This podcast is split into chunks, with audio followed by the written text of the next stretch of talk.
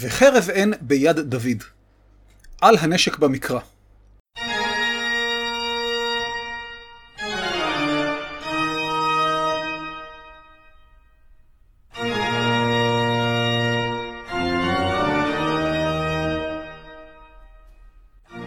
דברי הימים הסכת על התנ"ך והמזרח הקדום.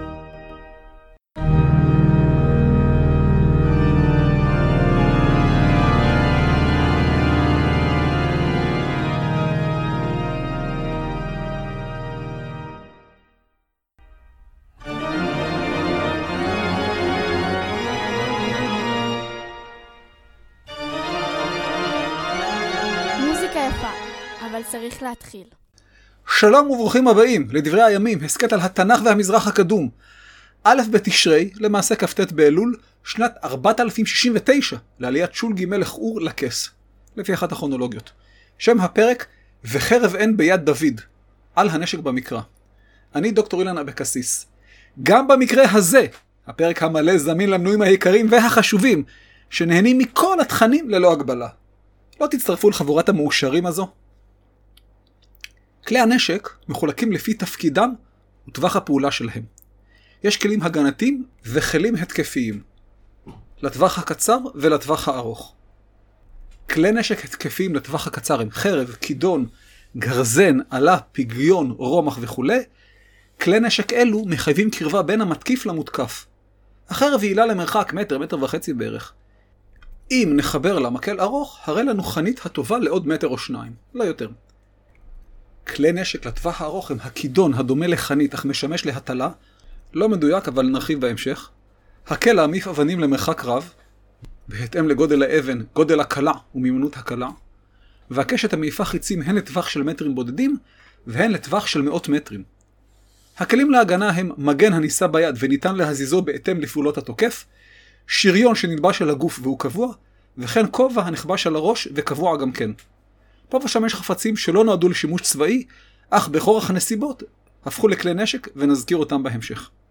כלי הנשק מאפשרים, להלכה לפחות, לחייל לפגוע באויב ולהגן על החייל מפני האויב. התקפת האויב והגנה מפניו מעמידות שתי דרישות סותרות. החייל לא יכול להיות מוגן מדי, אחרת הוא יהיה כבד, מסורבל ולא יעיל. כך מודגם בסיפור דוד וגוליית, עת שאול נתן לדוד ציוד קרב מלא. ציטוט: וילבש שאול את דוד מדיו, ונתן כובע נחושת על ראשו, וילבש אותו שריון, ויחגור דוד את חרבו מעל למדיו, ויואל ללכת כי לא ניסה. לא הצליח. ויאמר דוד אל שאול, לא אוכל ללכת באלה כי לא ניסיתי, ויסירם דוד מעליו. סוף ציטוט. מצד שני, לא כדאי שהוא יהיה חשוף מדי. שוב מסיפור דוד וגוליית, ציטוט: ויבט הפלישתי ויראה את דוד ויבזהו, כי היה נער ואדמוני עם יפה מראה. ויאמר הפלישתי אל דוד, החלב אנוכי כי אתה בא אליי במקלות? ויקלל הפלישתי את דוד באלוהיו. ויאמר הפלישתי אל דוד, לך אליי ואתנן בשרך לעוף השמיים ולבהמת השדה. סוף ציטוט. למרבה הצער, חייל שיהיה מוגן מספיק, אך לא מסורבל וזריז, אינו בנמצא. המיגון בא על חשבון הזריזות, והזריזות באה על חשבון המיגון. לא פלא אפוא שניתן למצוא חיילים מסוגים שונים, כבדים וקלים. בהקבלה לימינו, חייל חי"ר שרץ בסמטאות ובתעלות, לעומת הטנקיסט שהוא מוגן היטב, אך בסמטאות הוא בנחיתות ברורה. ואם נקביל לעולם הספורט, הרי בכדורגל האמריקני, מה שמכונה פוטבול, יש שתי קבוצות. קבוצת הגנה המורכבת ממקררים מגודלים וחסונים, אך כבדי תנועה, וקבוצת התקפה המורכבת מאצנים זריזים כחושים, אך בעלי עמידות של נייר אורז. אני רוצה להתחיל דווקא בחפצים תמימים שבידיים נכונות הפכו לכלי נשק קטלניים. אחד השופטים החידתיים ביותר בספר שופטים הוא שמגר בן ענת. מעלליו נזכרו בפסוק אחד דל וצנום. שמגר נזכר גם בשירת דבורה, אך רק ננקב בשמו ותו לא.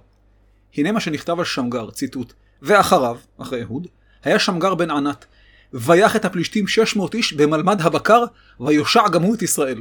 סוף ציטוט. מלמד הבקר הוא מקל ובראשו מסמר קטן. המקל נועד לדרבן את הפרות ללכת בכיוון הנכון. בניגוד לכבשים ולעיזים ההולכים אחרי מנהיגת העדר הקרויה משכוכית, מלשון משיכה, הרי הפרות מטיילות כל אחת בכיוון אחר. מישהו צריך להסביר להן לאן ללכת. לא נתפלא איפה למצוא רועי צאן השולט בעדר צאן גדול ללא כל בעיה וביד רמה, כי הוא צריך לכוון רק כבשה אחת. אבל הבוקרים משתמשים בסוסים וכלבים, והם תמיד כמה וכמה אנשים. ביד הנכונה מלמד הבקר הוא נשק רב עוצמה, שקטל 600 פלישתים טבין ותקילין. עוד שופט שנעזר בחפץ מוזר משהו לקטל הפלישתים היה שמשון. ציטוט: וימצא לחי חמור טריה. חשוב, לא משומרת או קפואה, רק טריה. וישלח ידו ויקחיה, ויח בה אלף איש. ויאמר שמשון, בלכי החמור חמור חמורותיים, בלכי החמור הכיתי אלף איש. סוף ציטוט. שמשון מצא לחי חמור, והשתמש בה כמו מגל, והיכה אלף פלישתים. בהחלט מעשה מרשים ביותר. נעבור אפוא אל מלכת שדה הקרב, החרב, ואני מזכיר את הפינה שהייתה בשלושה שיודעים על החרב. החרב היא נשקו האישי של החייל, כמו הרובה היום. היום ניתן לנהל קרבות ממרחק רב, מבלי שהלוחמים רואים את האויב כלל. אבל כל הקרבות בימי קדם היו קרבות מגע, ואין קרב כזה ללא החרב.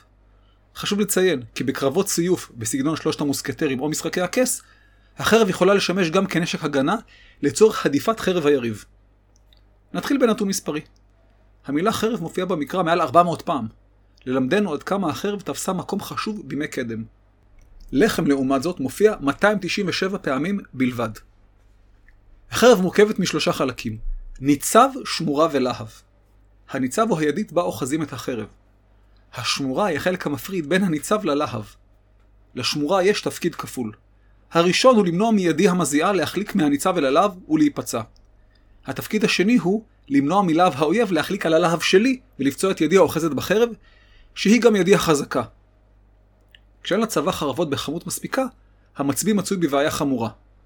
בעת מלחמת מכמס בין שאול לפלישתים, נכתב, ציטוט, וחרש לא יימצא בכל ארץ ישראל, כי אמרו פלישתים, פן יעשו העברים חרב או חנית. דילגתי קצת. והיה ביום מלחמת, יש להוסיף מכמס כנראה, ולא נמצא חרב וחנית ביד כל העם אשר את שאול ואת יונתן, ותימצא לשאול וליונתן בנו. סוף ציטוט. שאול המלך היה בבעיה רצינית ביותר. גם בקרב דוד וגוליית, סופר על דוד שהלך לקרב ללא חרב, למרות ששאול הציע לו, כפי שקראנו לעיל. רבים הם הסבורים שדוד רק כלא אבן לראש גוליית, ובזה נגמר הסיפור. אבל לא. שימו לב מה נכתב לאחר מכן.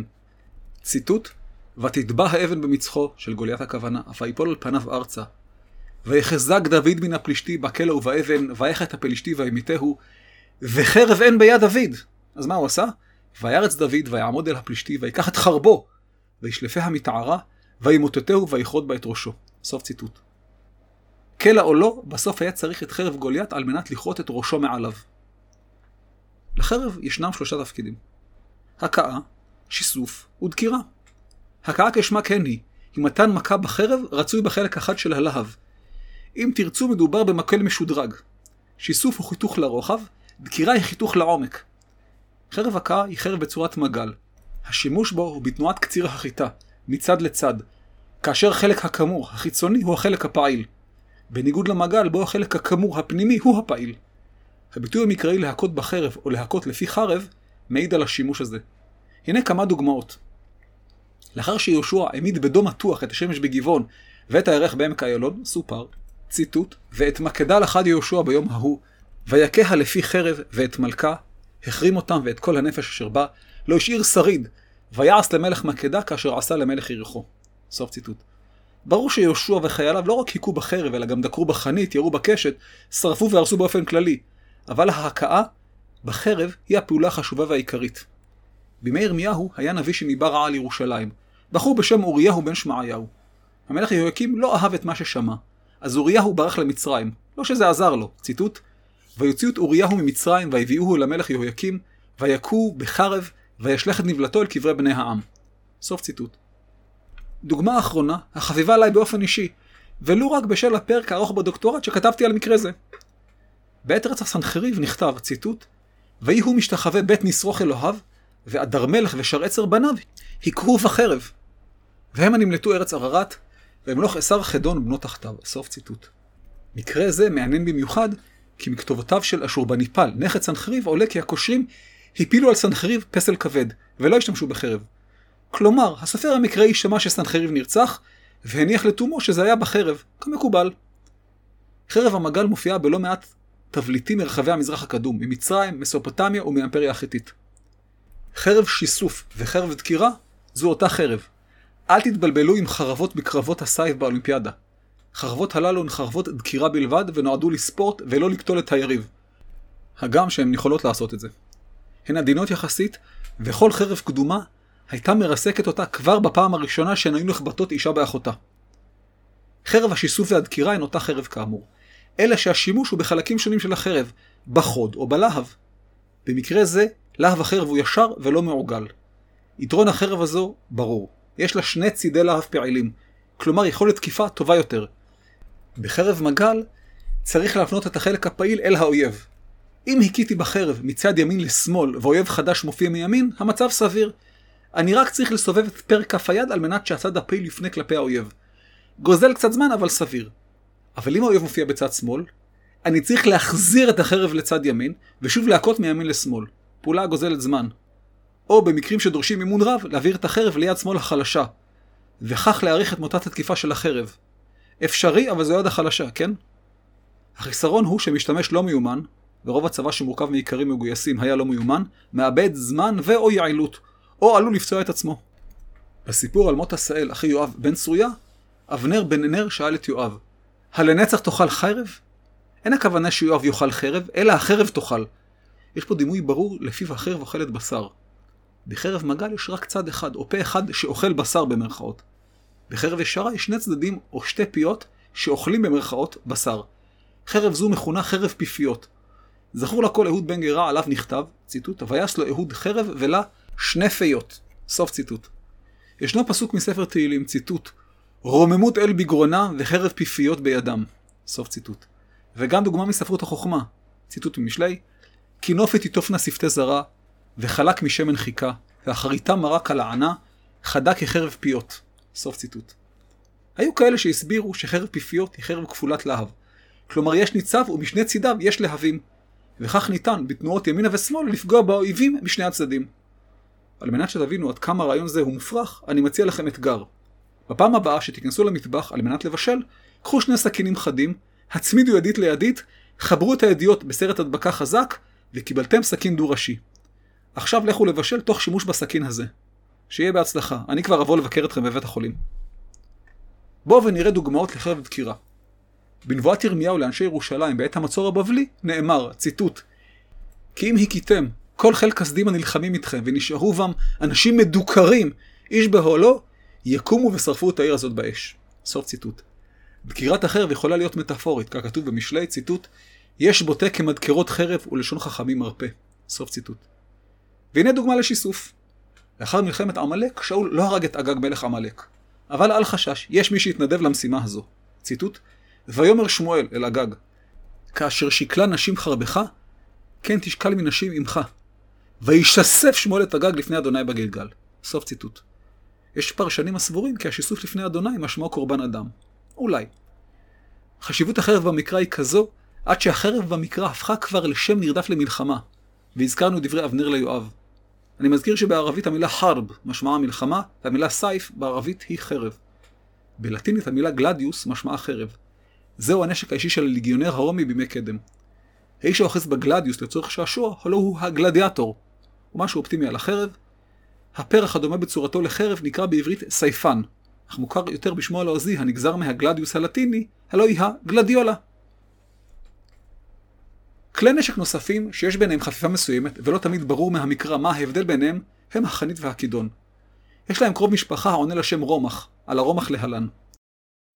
בשני המקרים מדובר במקל ולא להב.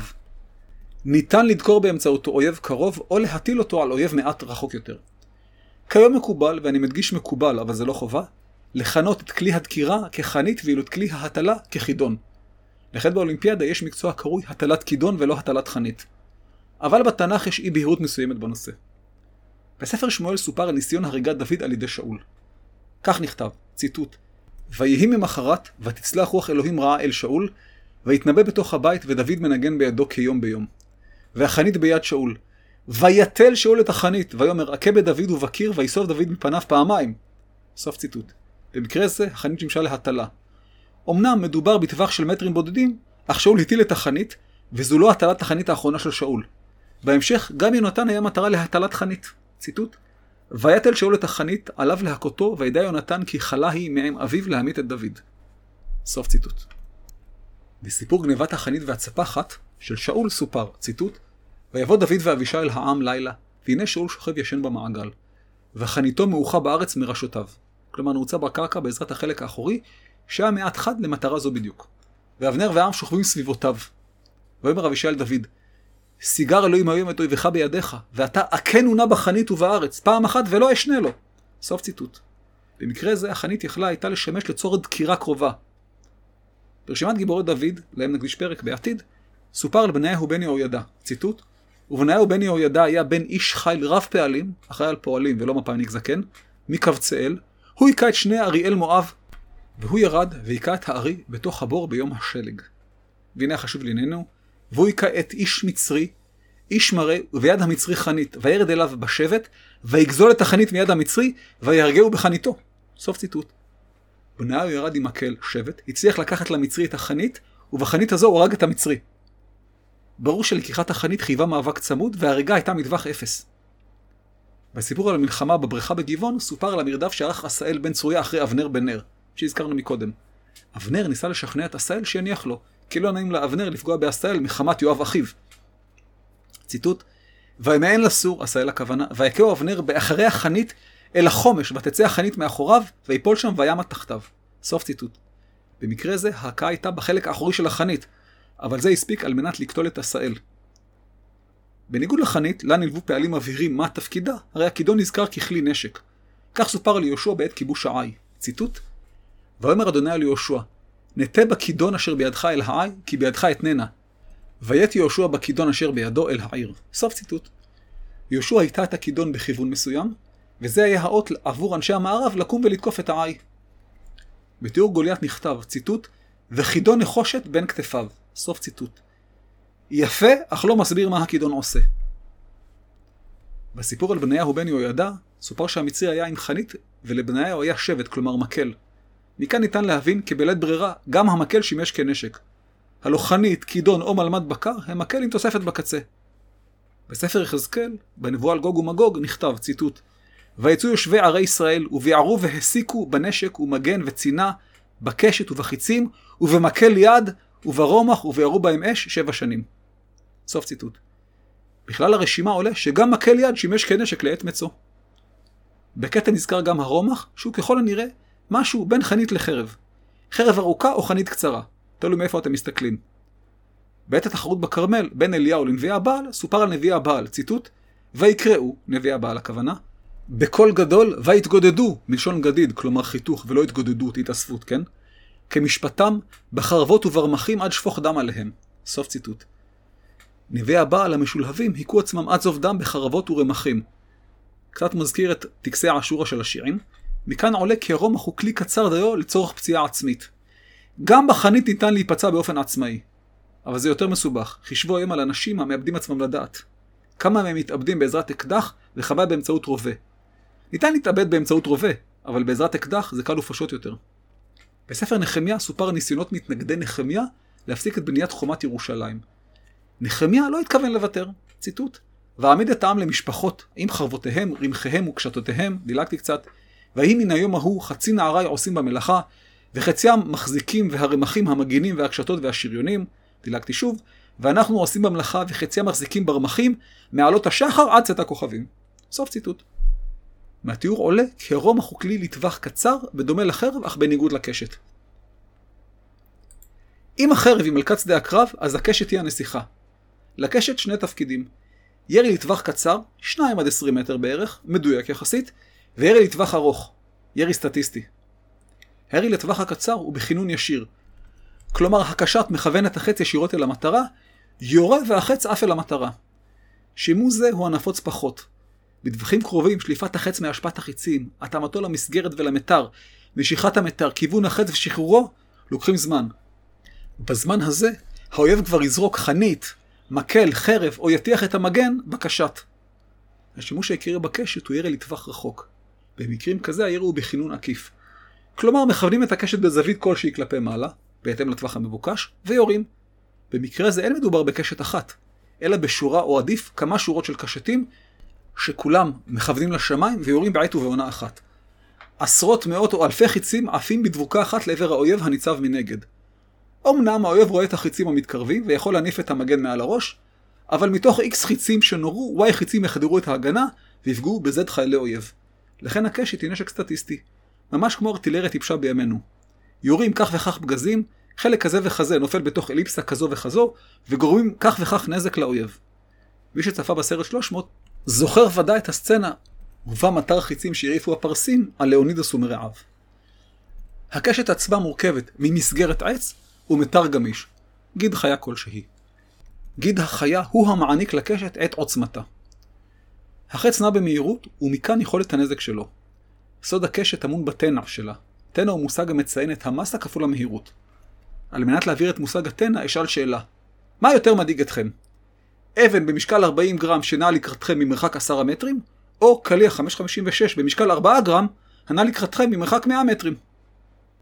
היתרון הגדול של הקשת הוא היכולת לפגוע באויב ממרחק גדול יחסית. אין צורך להגיע למגע איתו. בסיפור גירוש הגר יש עדות לטווח הקשת. ציטוט: ותלך ותשב לה מנגד, הרחק כי מתחווה קשת, כי אמרה אל אראה במות הילד. ותשב מנגד ותישא קולה ותבך. סוף ציטוט. המילה חשובה היא הרחק, רחוק מספיק כדי לא לשמוע או לראות את ישמעאל. על מנת לראות בקשת, יש למצות את האנרגיה הטמונה במתר. את הקשת מושכים, רומים או דרוכים. כך נכתב על מות אחאב מלך ישראל, ציטוט: ואיש משך בקשת לתומו, ויכה את מלך ישראל בין הדבקים ובין השריון.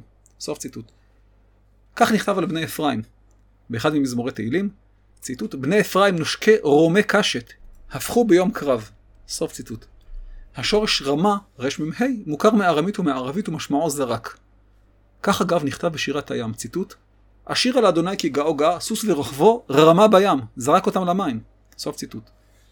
בנבואת ירמיהו על מצרים, בקרב קרקמיש, נכתב, ציטוט: עלו הסוסים והתהוללו הרכב, ויצאו הגיבורים, כוש ופוט תופסי מגן ולודים, תופסי דורכי קשת. סוף ציטוט. והנה התייחסות בספר איכה, ציטוט: דרך קשתו והציבני כמטרה לחץ. סוף ציטוט. זה מעניין. הרעיון של הקשת הוא פשוט. מתר מתוח שמשתחרר ומעיף את החץ. ההיגיון אומר, ובצדק, שככל שהמתר יהיה עבה יותר וחזק יותר, המרחק אליו יעוף החץ גדול יותר. בדיוק כמו היום. ככל שיש יותר אבק שרפה, הקליע עף רחוק יותר. חישבו על קליע 556 לעומת פגז טנק, ושניהם לעומת פגז ארטילריה. אבל יש בעיה. מתר עבה וחזק מחייב כוח רב יותר על מנת למשוך אותו לאחור. גם אם מדובר במתר הטוב בעולם, אבל כשאני לא מצליח למשוך אותו כראוי והראייה תחת שתעוף למרחק יוצאת דרדלה, לא עשיתי דבר. על מנת לפתור את הבעיה, החלו להביא את המתר אחורה, לא באמצעות כוח הידיים, אלא באמצעות כוח הרגליים. כידוע, הרגליים חזקות פי שש מהידיים. כל מי שטיפס על חבל שישה מטרים בצה"ל, יודע שהידיים רק כוחסות בחבל. מי שמרימות את הגוף למעלה הן הרגליים. על כן החלו לדרוך פשוטו כמשמעו על הקשת, על מנת לטעון אותה בחץ. הקשת דרך על המתר, תפס אותו בזיז, ורק כשהחץ היה במקום, שוחרר המתר. עד היום פעולת טעינת הנשק נקראת דריכה.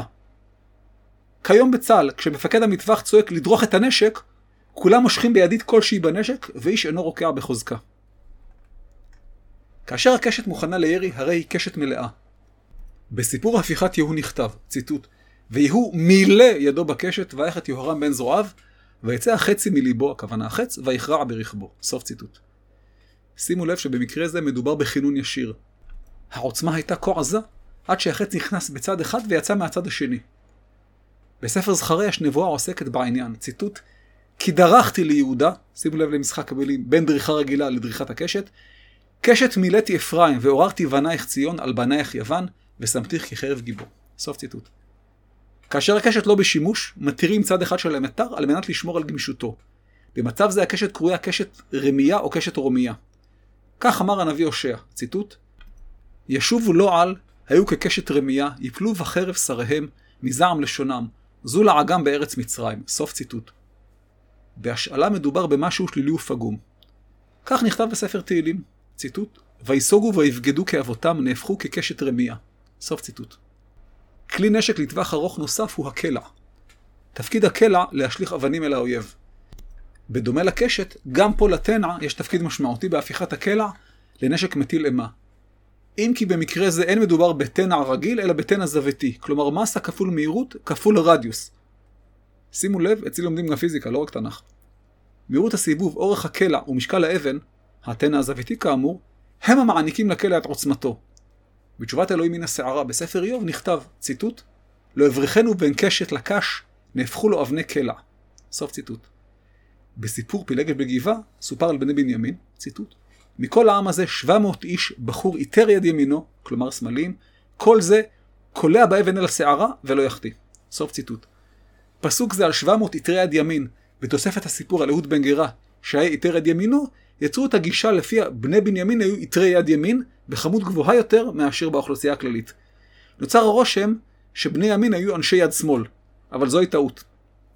בסיפור פילגש בגבעה, דווח על 26,700 חיילים, מתוכם 700 סמלים. אחוז הסמלים בחברה הכללית עומד על 10% בערך. 10% מ-26,000, עשיתי להם הנחה, הוא 2,600 איש, ואילו להם היו רק 700. אז לא רק שבני בנימין לא היו סמלים יותר מהחברה הכללית, אלא פחות, הרבה פחות.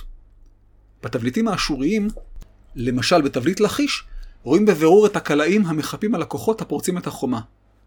בחפירות ארכיאולוגיות התגלו מגוון אבני כלא אשוריות. הדבר המעניין הוא שרובן שוקלות אותו הדבר בסטייה של גרמים בודדים. כלומר, האשורים ייצרו אבני קלע בגודל אחיד. וכך הקלעים התאמנו על אבן אחת למעשה. ולכן, אחרי אימון בסיסי, יכלו לראות אותה או העתקיה בדיוק נמרץ. השימוש המפורסם ביותר בקלע הוא בסיפור דוד וגוליית כמובן. ציטוט: והיה כי קם הפלישתי, וילך ויקרב לקראת דוד. ויאמר דוד, וירוץ מהמערכה לקראת הפלישתי.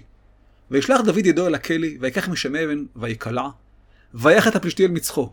ותטבע אבן במצחו, ויפול על פניו ארצה. ויחזק דוד מן הפלישתי בקלע ובאבן. ויח את הפלישתי וימיתהו. וחרב אין ביד דוד. סוף ציטוט. לאחר שסקרנו את הנשק ההתקפי המרכזי, נעבור לנשק ההגנתי. נשק המגן הבסיסי והנפוץ ביותר הוא המגן. כשמו כן הוא, מגן. המגן הוא לוח עץ או מתכת שנועד לעצור את נשק האויב, חרב, חץ, חנית וכדומה. בדומה לחרב, אף המגן נפוץ בקרב הלוחמים. כך נכתב על שניים וחצי השבטים. ציטוט: בני ראובן וגדי וחצי המנשה, מן בני חיל אנשים נושאי מגן, וחרב ודורכי קשת ולמודי מלחמה. סוף ציטוט. נושא המיגון מעורר דילמה כאמור. ככל שהמגן גדול ועבה יותר, הוא יעניק הגנה טובה יותר. מצד שני, זה בא לידי ביטוי במשקל. מילה נרדפת למגן, ככל הנראה, היא צינה. כך נכתב בסיפור דוד וגוליית. ציטוט: וילך על פשתי הולך וקרב אל דוד והאיש נושא הצינה לפניו. סוף ציטוט. יש הסבורים כי הציוד של גוליית היה כה כבד עד שהוא נזקק לאיש מיוחד שיסחוב עבורו את המגן או הצינה. הסבר הגיוני, אבל אני רוצה להציע הסבר נוסף. נדמה לי שיגאל ידין היה הראשון שהציע את הרעיון. הישראלים הלא ראו את גוליית מרחוק. אין להם מושג כמה הוא גדול ומאיים. לכן שמו לידו איש רגיל, על מנת שהישראלים יקבלו את קנה המידה הנכון, ויבינו איזה ענק אימתני עומד בפניהם. כמו היום, שאנחנו לא מבינים כמה שחקני הכדורסל הם גבוהים. הלוא אם במגרש הם מתרוצצים אחד ליד השני, אנשים גבוהים כמותם. אבל כשהשופט שורק וניגש לשחקן כדורסל, מתחבר עד כמה הכדורסלן הוא גבוה. באותה נבואה של ירמיהו על מצרים נכתב, ציטוט, אירחו מגן וצינה הוגשו למלחמה. סוף ציטוט. מפה עולה כי המגן והצינה הם שני דברים נפרדים, אבל לא ברור במה הם שונים. אם כי ייתכן שירמיהו השתמש במילה נרדפת לצורך הנבואה. גם בתהילים נזכרים המגן והצינה זה ליד זה. ציטוט, החזק מגן וצינה וקומה בעזרתי. סוף ציטוט. שדרוג למגן הוא השריון. השריון הוא בגד חסין פגיעה עד רמה מסוימת, בדומה לשכפ"ץ של ימינו. בעוד שאת המגן ניתן להזיז ענה וענה, בהתאם לאיומים כלפי הלוחם, הרי השריון הוא שגר ושכח. ברגע שתיתם שריון הוא שם. בסיפור דוד וגוליית נזכר השריון אצל גוליית וכן אצל דוד, ציטוט: וחוב הנחושת על ראשו, ושריון קשקשים הוא לבוש, ומשקל השריון 5,000 שקלים נחושת, ומצחת נחושת על רגליו, דילגתי הרבה, וילבש שאול דוד מדיו, ונתן כובע נחושת על ראשו, וילבש אותו שריון. סוף ציטוט. לגוליית היה שריון קשקשים, כלומר לא שריון העשוי מיציקה אחת. טכנולוגיה מורכבת שלא הייתה קיימת אז, אלא שריון המורכב מהמון לוחיות מתכת. חיבור הלוחיות זה לזה יצר הן את המיגון ובעיקר את הגמישות של השריון. בקטע זה נזכר עוד כלי הגנה ייחודי שהוא שריון ייעודי לרגל. מדובר על מצחת הנחושת שעל רגלי גוליית. סביר שבמקרה זה מדובר ביציקה אחת. המצחה הגנה על קדמת הרגל ולא על אחורי הרגל. כלומר רק חצי יציקה. בסיפור מות אחיו שוב נזכר שריון הקשקשים. ציטוט, ואיש משך בקשת לתומו, והכה את מלך ישראל בין הדבקים ובין השריון. סוף ציטוט. החץ האקראי, מישהו משך בקשת לתומו, פגע בתפר בין השריון לבין השרוול, תחת בית השחי. פציעה שהתבררה כקטלנית עבור אחאב. פריט הגדה נוסף הוא הכובע בכף או הכובע בקוף. מדובר במילה פלישתית שנכנסה לעברית, ולכן היא נכתבת בתנ"ך, באותו פרק, פעם בכף ופעם בקוף. הכובע המקראי הוא שריון לראש, כך נכתב, ציטוט: וכובע נחושת על ראשו, זה גוליית ויש לו כובע בכף, דילגתי הרבה, וילבש שאול לדוד מדע ונתן כובע נחושת על ראשו, זה כבר כובע בקוף, משהו אחר לחלוטין. סוף ציטוט. נושא כלי נשק במקרא הוא מרתק וארוך, ואין מתאים מאשר לסיים את הפרק בעיבוי של ישעיהו ומיכה. ציטוט ממיכה וגם מישעיהו. וכיתתו חרבותם לעיתים וחניתותיהם למזמרות. סוף ציטוט. זהו עד כאן, וחרב אין ביד דוד, על הנשק במקרא. תודה לכם שהאזנתם ותודה שעשיתם מנוי. תודה לחברי מועצת החכמים, אבי הרטמן, חיים ארמון, אלון גלוסקה, אלי לבנה ודודי שטיינר, שנשאו את הצינה של גוליית. אנא שנו אהבתי בדף הפייסבוק וברשומות השונות, והמריצו את חבריכם לנהוג כמוכם. הגידו בגת, ובשרו בחוצות אשקלון, שתשמחנה מנות דובב שתעלוז למנות ברעם. הדואל הוא אילן כרוכית אילן abc.co.il. גם טופת סטור קשר ממתין לכם, וגם רשימת התפוצה לדיבורים השווים שלי. כדאי להצטרף. גם ערוץ היוטיוב מחכה לכם, כי הוא שם. ועכשיו גם ערוץ יוטיוב לטיולים. ערוץ שנקרא בפשטות אילן אבקסיס, I-L-A-N-A-B-E-C-A-S-S-I-S. אם אתם אוהבים את ההסכת וגם רוצים לתמוך בו, הרי מלבד המלצה מפה לאוזן, שהיא הדבר הטוב ביותר על התוכן והערך המוסף שאני מציע, הרי עשיית מנוי היא התמיכה הטובה מכל. תודה רבה.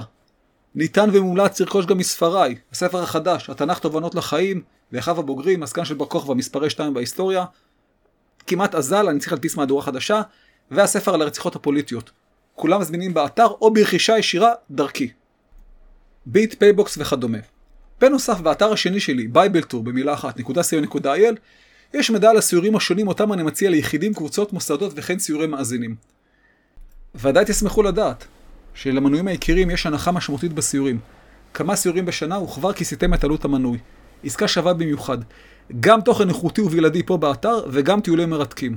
אני מזכיר את אחינו הצעיר, הפודקאסט של התנ"ך, של דוקטור ליאור הרביד, עם שרון אלכסנדר, תאורטית. הפרק הבא בדברי הימים יעלה באלף במרחשוון, שם הפרק לדעת חוכמה ומוסר, על ספר משלי. הפרק הבא בדבר היום יעלה בט"ו בתשרי, למעשה בי"ד בו סוכות וכל זה, שם הפרק מלכים א', על המלך במקרא. להתראות.